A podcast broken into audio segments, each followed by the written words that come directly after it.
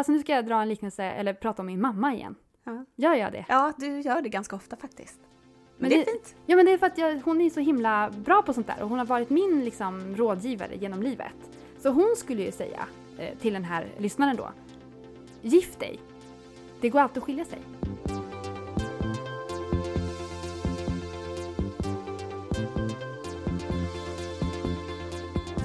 Du lyssnar på HSP-podden med Leverby och Klar. Hej och välkommen tillbaka till oss på HSP-podden med Leverby och Klar. Podden som handlar om det ärftliga personlighetsdraget högkänslighet. Med mig, Ida Leverby. Och mig, Matilda Klar. Midsommar är oss förbi. Jag vet inte hur du känner Matilda. Jag tycker att det är ganska skönt. Jag är ju inte så mycket för högtider och konventioner. Alltså jag, jag gillar ju midsommar, men jag får inte direkt ångest av att den är förbi nu.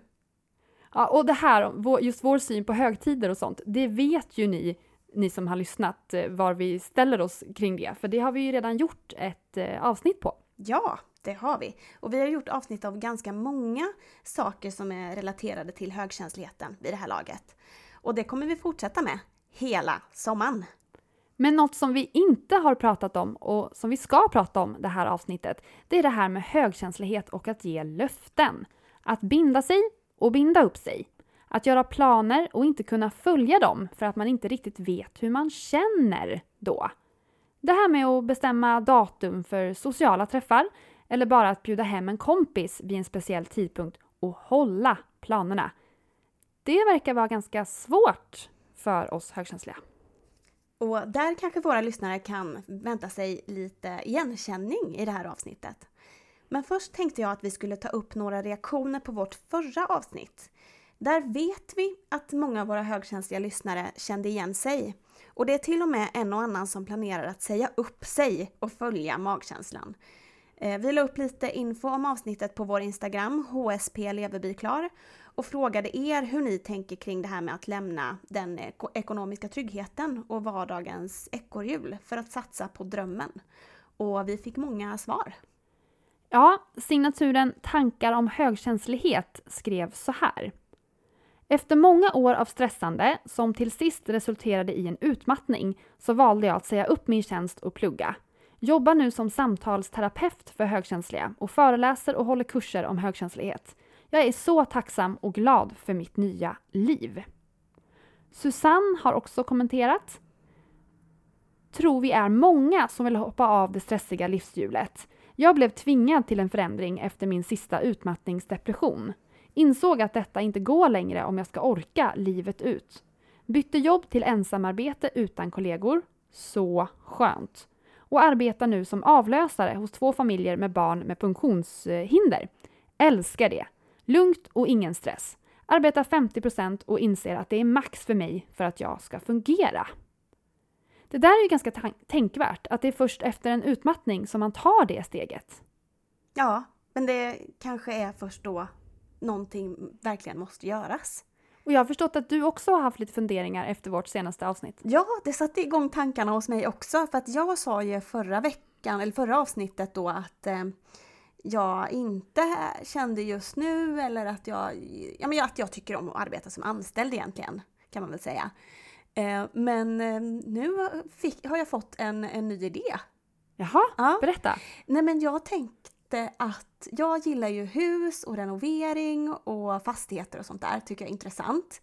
Och eh, då kom jag att tänka på att man skulle ju kunna bli hyresvärd för en mindre fastighet. Och på så sätt få in... Lite stålar. Pengar, Ja, ja. precis. Lite en, en inkomst som kommer liksom varje månad. Och Mm. visst är det mycket, det är ju mycket jobb med det också säkert. Eh, Men att jag skulle kunna göra det och samtidigt då kunna ägna mig åt egna projekt. Som den här podden till exempel. Ah, så du kan finansiera dina kreativa drömmar genom att äga fastigheter? Precis, som jag också är intresserad av. Så då får jag också in fler av mina intressen i mitt liv. Det är ju supersmart. Ja.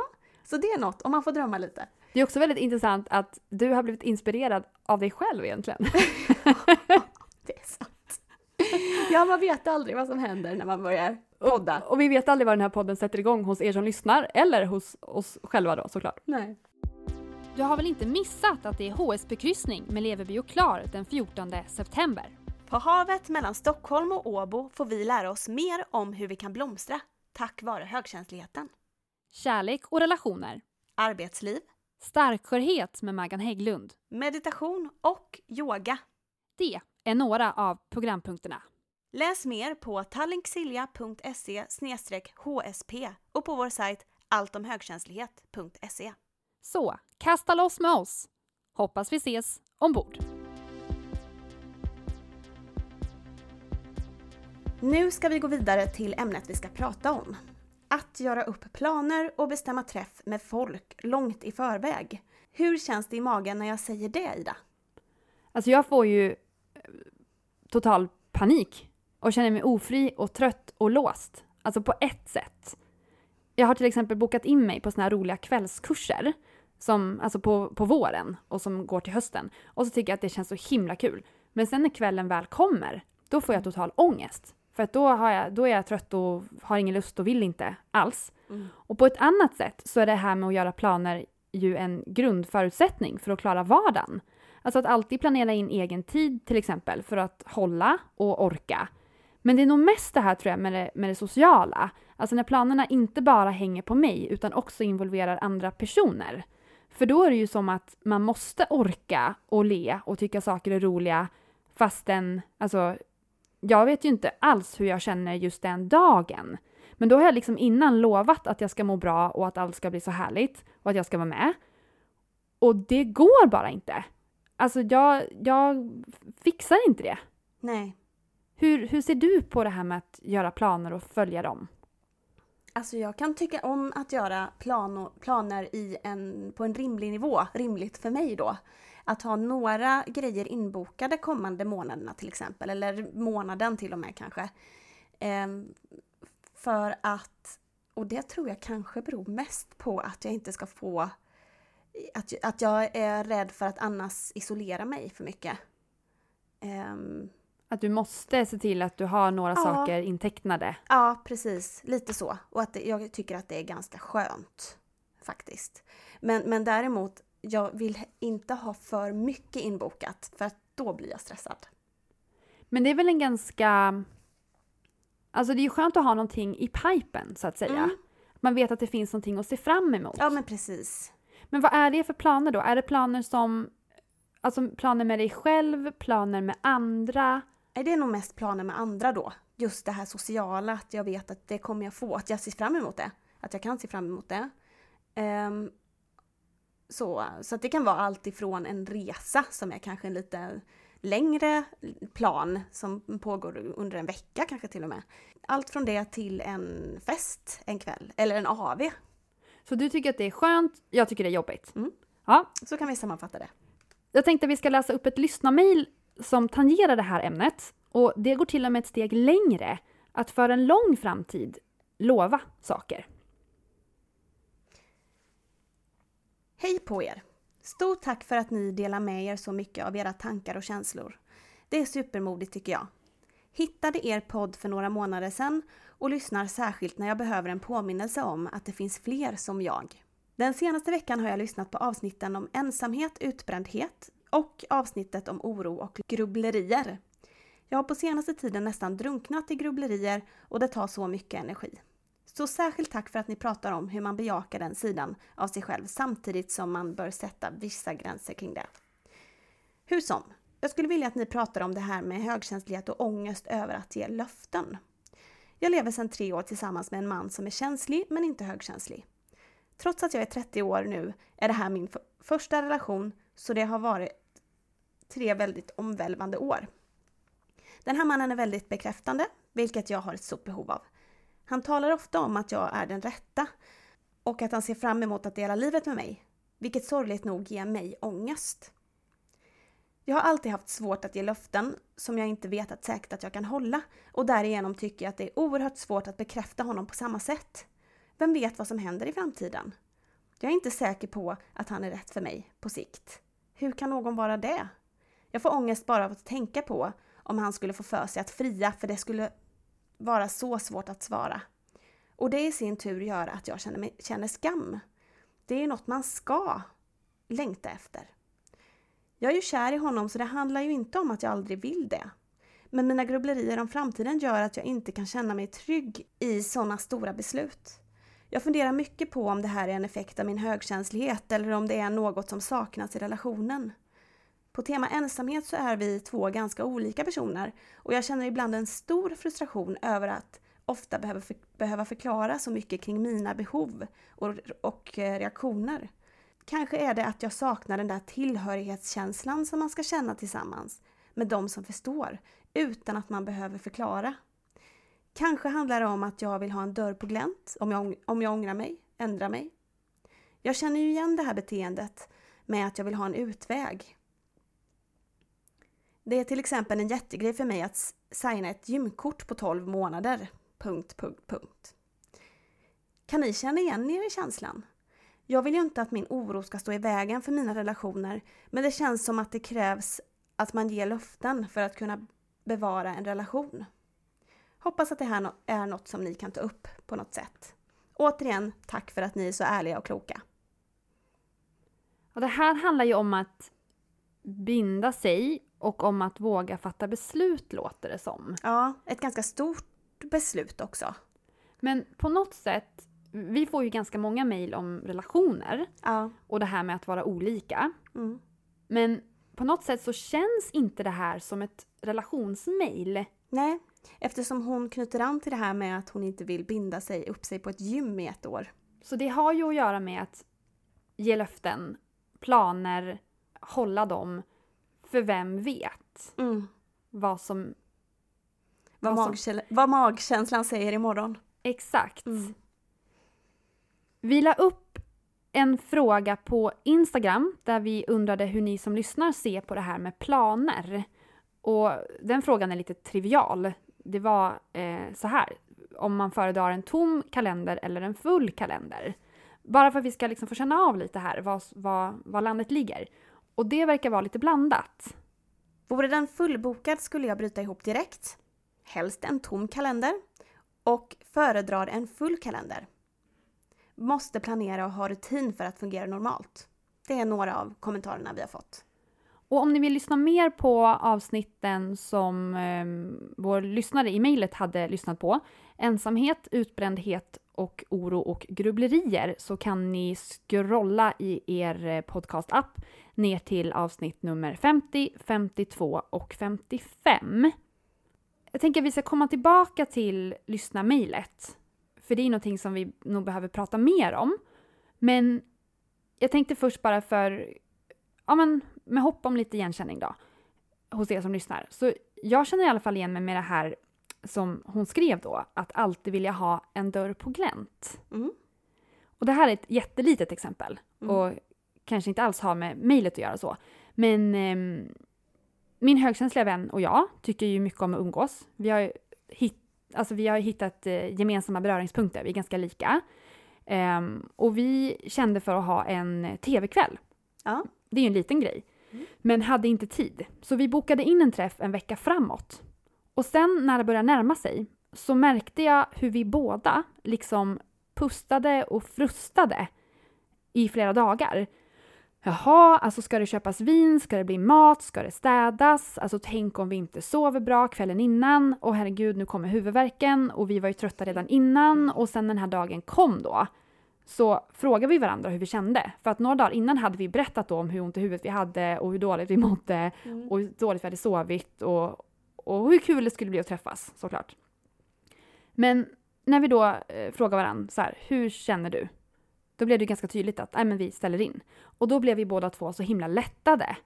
Och det var inte alls för att vi inte ville ses, utan för att vi hade byggt upp någon slags alltså, förväntningar och bara det här med att ha någonting i schemat som inte kanske passar just den dagen. Mm. Men, men där gick det ju bra för att vi tänker lite lika. Men Ja, Jag och ni tänker- hade förberett också varandra lite grann på Ja. att ja, det här kanske ändå inte kommer hända. Men jag tänker som det som eh, hon i mejlet skriver. Mm. Det handlar ju om en relation och den är man ju mån om att behålla. Alltså en sån nära relation. Och jag har faktiskt förlorat vänner på det här sättet. Genom Mm. att ofta ställa in. Ja. För att jag då sårar andra Mm. omedvetet. Mm. För att jag då blir egoistisk. och självcentrerad och bara tänker på mig. Och det ses ju som ett svek att ställa in. Mm. Eller, det andra alternativet är att jag har tvingat mig själv. Och då har jag varit nästintill odräglig Ja, när eh, jag väl har träffat de här personerna jag ska träffa. Så just att då det. har de inte velat umgås med mig av de anledningarna. Nej. Ehm, och jag kan ju bara tänka mig hur det känns för andra att alltid då vara på standby. Ja. Eller som den här, ehm, hennes eh, kille då, Mm. lyssnarmejlet. Att hon kan inte riktigt bekräfta honom på samma sätt. Nej. Han säger du är rätt för mig, du är, du är den jag vill leva med. Mm. Det måste ju vara jättejobbigt att inte kunna Mm. ge det tillbaka. Verkligen. Men om vi ska prata lite om varför det blir så här. Det som jag tänker på är Elaine Aron som myntade begreppet högkänslighet. Vad hon skriver om att fatta beslut. Att det ofta är svårt eller tar längre tid för högkänsliga att, eh, att fatta beslut. Och att göra upp planer, planer är ju ett slags beslutsfattande. Och varför är det då svårt att fatta beslut? För att högkänsliga i större grad bearbetar eh, intryck på djupet. Så att om man ska ta ett beslut så tänker man verkligen, det går ända in och ända ner och det ska tänkas igenom ordentligt. Så man måste liksom lägga upp vad man har då på bordet och Ja. sen väga för och nackdelar och vad blir konsekvensen och om jag gör så här, om jag gör så här, hur blir det då? Precis, så mycket konsekvenstänk. Men det låter ju också jättejobbigt Ja, att hålla på liksom fram och tillbaka. mm. visst. Men det blir också oftast rätt beslut som högkänsliga fattar. När väl beslutet kommer, då är det rätt. Men ja, det beror, alltså jag tänker det beror ju lite grann på hur man funkar också. Alltså jag tycker att det funkar bra att lita på magkänslan. Ja, Att den har ofta rätt. Men för mig när jag ehm, inte går på min första känsla, det är då det blir fel. För då ska jag liksom hålla på och alltså väga in förnuft. Till exempel om, jag vet att jag fick ett jobberbjudande en gång och jag kände instinktivt nej. Men sen så tänkte jag att jo, men det är nog bra ändå för att det är ett kul jobb och det är eh, en utmaning och det är bra för karriären och det är ganska bra betalt. Och så höll jag på, fram och tillbaka, fram och tillbaka. Och det slutade med att jag tog det jobbet. mm. Och så hatade jag det. ja. det gick, Och så upp dig va? Ja, det gick liksom inte att göra rätt. Nej. Och jag hamnar ju ofta i den situationen. För jag tänker ju igenom alla mina beslut, i alla fall de stora besluten. Så, om kanske eh, jobb och bostad och relationer och allt, allt sånt tänker jag igenom väldigt eh, mycket. Och, men också vissa andra beslut som kanske inte är så stora. Till exempel vilken matta jag ska köpa. Som jag, det tog mig flera månader att att klicka hem en ny matta. Eh, och då har jag ju hamnat där att jag inte går på magkänslan utan jag tittar på alla parametrar. Vad kan gå fel? Vad är rätt med det här? Vad är fel med den här? Hur passar det här in i mitt liv? Och tills att jag tappat magkänslan helt. Eh, och ibland kan jag tycka kan det funka ändå. Oftast så känner jag mig bekväm med besluten jag tar. Ehm, men ibland tycker jag att det tar alldeles för lång tid. Det, alltså jag, det, jag lägger ner för mycket energi på det. Och, och då blir det ju automatiskt ett fel beslut i mitt liv. Att jag beslutar att lägga så här mycket tid på att komma fram till det här beslutet. Men då, även om du är nöjd med mattan så går du tillbaka och slår på dig själv för att det har tagit så lång tid. Ja, i vissa fall. Inte alla fall. Men i, ibland eh, så gör jag det. Mm. Men jag tycker mest att det är svårt då att göra de här långsiktiga planerna som involverar andra, som Mm. jag var inne lite grann på. Att jag har inga problem med att eh, boka en resa liksom om ett halvår, för att då kan det kännas rätt. Men i många fall så känns det fel och sen så... Alltså jag kan känna på en gång till exempel att så, här, ah, men, eh, ja men Ida ska du med på konsert om två veckor? Så kan jag känna bara nej. För att jag börjar tänka på en gång att okej, men jag kommer jobba hela dagen, det är säkert på kvällen, då är jag trött, jag kanske inte har sovit då och då kommer jag vara grinig. Vad ska jag äta för någonting? Jag kommer säkert att dricka alkohol, det kommer vara mycket ljud, det kommer vara mycket intryck. Jag kommer inte kunna sova på hela kvällen, då är lördagen förstörd, då är också söndagen förstörd. Sen ska jag jobba hela helgen, eller sen ska jag jobba hela veckan. Ja, då går ju du in rakt in i konsekvenstänket. Och så är jag trött redan innan jag har varit på den där jävla konserten. Ja, precis. Och då hamnar du där, där jag brukar hamna. Att du tar fel, alltså att det blir, det tar för mycket energi att ta det här beslutet Ja, överhuvudtaget. Men det jag tänker också på är att om, eh, när du väl får frågan så har du ju en magkänsla, om du vill eller inte. ja visst, men hur Ja. fasen ska man få någonting gjort då? Nej, visst. Alltså som du pratade lite grann om där, att inte isolera dig. Att du mår tydligen bra av att göra planer för att då vet du att du har någonting. Ja, Jag kan ju bli då, alltså som jag och min vän då som skulle ha en tv-kväll. Nu blir det ingenting av det. nej, Och att det, det sköna i allting var att det inte blev av. ja, Men vi tycker ju om att träffas. ja. Och då är risken att man bara eh, sitter hemma och gör ingenting resten av livet. Och om då- det vill sig illa. Ja, då tänker jag på lyssnaren som hörde av sig och skickade det här mejlet. Att hon kan ju också gå miste om någonting väldigt fint. Mm. Hon är ju kär i den här killen som hon är ihop med, skriver hon ju. Och om hon nu har tänkt tanken på att förlova sig och gifta sig med honom så kan ju det också vara någonting jätteroligt. Att Ja. få eh, planera ett bröllop. Ja. Att få göra det och få visa sin kärlek till någon och bjuda in släkt och vänner. Det kan ju vara någonting jättefint. Ja. Som man kanske annars går miste om. Mm. Man, då måste man ju våga för att vinna. Så enkelt är det ju. Och så tänker jag också så här, ja men det här jäkla gymkortet då. Alltså, ja men signa upp dig på ett gymkort. Och om du inte vill så får väl de här 300 eller 400 kronorna i månaden vara var så. Mm. Då får väl de stå för en slags frihetskänsla eller en revolt Ja. mot eh, liksom, systemet. Nej, jag tänker inte gå till gymmet. Haha. Precis. Alltså får det, så får det vara så. Ja. Jag vet inte, jag, jag, alltså nu ska jag dra en liknelse eller prata om min mamma igen. Ja. Gör jag det? ja, du gör det ganska ofta faktiskt. Men det är det- fint. Ja men det är för att jag, hon är så himla bra på sånt där och hon har varit min liksom, rådgivare genom livet. Så hon skulle ju säga eh, till den här eh, lyssnaren då, gift dig. Det går alltid att skilja sig. Ja. Alltså det är kanske inte den inställningen man ska ha när man går in i ett äktenskap. Men det finns, all, det finns alltid en väg ut. Ja. Och jag då som går på kvällskurser. Alltså jag betalar 6 000 spänn för någon sån här, jag gick någon kurs i medialitet. Och sen Ja. hade jag ingen lust alls. Då betalade jag 6 000. Ja det fick väl vara så då. Ja. Bara. Precis. Men jag tänker på hur din mamma har varit. Du har ju fått det i arv, den här egenskapen av att, eh, av att uppmuntra personer till att ta beslut. Jaså? Ja. Det är bara som den här lägenheten som vi sitter i nu, min lägenhet. Jag hade ju aldrig köpt den om inte du stod bredvid, såg på mig att Matildas magkänsla säger att det här är rätt och sa till mig Matilda, köp den! Det går ju alltid att sälja. Exakt.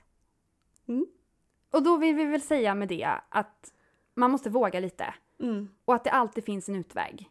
exakt. Och att man alltid kan... Alltså man kan ju alltid backa. Det är ju bättre att kanske fatta rätt beslut på en gång. Men Mm. det går också att, att dra tillbaka. Ja, precis. Och kanske väga vilka beslut vill jag fundera på? I alla fall från min sida. Det här ska jag tänka på. Vilka beslut är värda att lägga ner tid på att fundera på? Då ska, är det Du ska värt- tänka på det. Vad sa du? Du ska tänka Jag ska på fundera på exakt! och se om det här är ett bra, beslut för mitt liv att börja tänka på det här viset. Ja. Ehm, eller om man bara så här, okej i det här fallet tar jag bara ett snabbt beslut. Utan att tänka efter så mycket. Men i det andra fallet, där kanske jag vill titta på några fler aspekter innan jag fattar ett beslut. Och jag då som har problem med att boka upp mig inför träffar med folk tänker att om jag väl vill ställa in, då ska jag inte förklara mig så himla mycket. Jag tycker ibland att, som jag ser ibland på Facebook och sådär, i Facebookgrupper om högkänslighet, att det är folk som förklarar sig själva och hur de känner. Och det kan ju vi göra sinsemellan. Men jag tror inte att alla andra förstår Nej. eller kanske uppskattar en sån känsloyttring. Ja. Så att man börjar förklara att man inte mår bra och varför och det har med det här att göra och det här och det här och det här. Utan bara säga det att så här, men nu passar inte planerna längre. Jag är ledsen men jag måste ställa in. Ja, Och inte göra en så stor grej av det. nej precis. För då börjar också de andra i sällskapet kanske börja analysera dig och tycka någonting om dig som kanske inte ens stämmer eller vad, hur de uppfattar dig. Jag brukar tycka att det lättaste är att säga Tyvärr, jag kan inte. Punkt. Det kan räcka. Då blir man också respekterad på ett annat sätt tror jag. Mm. För att det är tydligt och det liksom, man står upp för sig själv också på ett sätt. Och om man redan har planerat och det gäller en nära vän, Mm. då kan man ju förhoppningsvis bara säga att jag är jätteledsen, jag skulle jättegärna vilja träffats, men nu passar det inte för jag orkar inte. Nej. Men vi gör det jättegärna igen, så att man ändå är respektfull mot den man har bokat Ja. med. Och är det en nära vän kanske man också till och med vill berätta varför. Om det är något jobbigt som har dykt upp. Eller om det är eh, att man är supertrött. Att det kanske finns en anledning till det, att man vill prata om det. Så nu har Förstår vi du vad jag menar? Absolut. Mm. Och så nu har vi hittat utvägar Mm. och så uppmuntrar vi våra lyssnare till att våga fatta beslut. Ja, För det är också först då som man vet om de är rätt eller inte. ja, verkligen. Man kan inte stå och väga hela tiden, Nej, precis. utan Så våga hoppa ut. både, både tacka ja och våga tacka nej. Exakt. Mm. Vår eh, favoritpoet Bertil Monegrim, han fortsätter väl hela sommaren att skriva dikter. Jajamän, det gör han. Månen sprider sitt vackra sken i den härliga julinatten. Den speglar sig på berget och trädets gren, men även på öar och blanka vatten. De lätta molnen bildar formationer och det är som i sagans värld, där naturens egna vackra toner bildar ett mönster över land och fjärd. Det är som taget ur en novell, där den vilda fantasin får flöda. Och visst är månen romantisk och snäll, som får våra hjärtan att glöda. Gud, det är så vackert som man blir alldeles tårögd. Ja, verkligen. Oh, eh, vi finns på Facebook. Där heter vi ju HSP-podden med Leverby och Klar. Om ni vill mejla oss så mejla oss gärna på leverbyochklar.gmail.com Och så finns vi ju på Instagram. HSP Leverby Klar heter vi där.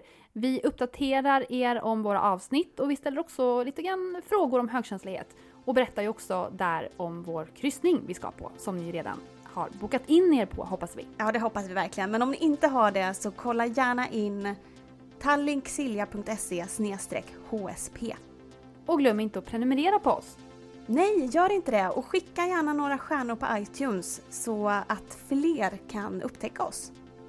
Nu säger vi tack och hej för det här avsnittet. Vi hörs igen om två veckor. Hej då! I nästa avsnitt pratar vi med psykoterapeuten Tom Falkenstein. Tysken vars bok Den högkänsliga mannen blivit uppmärksammad över hela världen. Han berättar att högkänsliga män inte är några players. There was one guy in, who I interviewed for the book who said, James Bond is not highly sensitive. He meant it as a joke, but I think it's a really good quote. I almost wanted to call the book uh, that.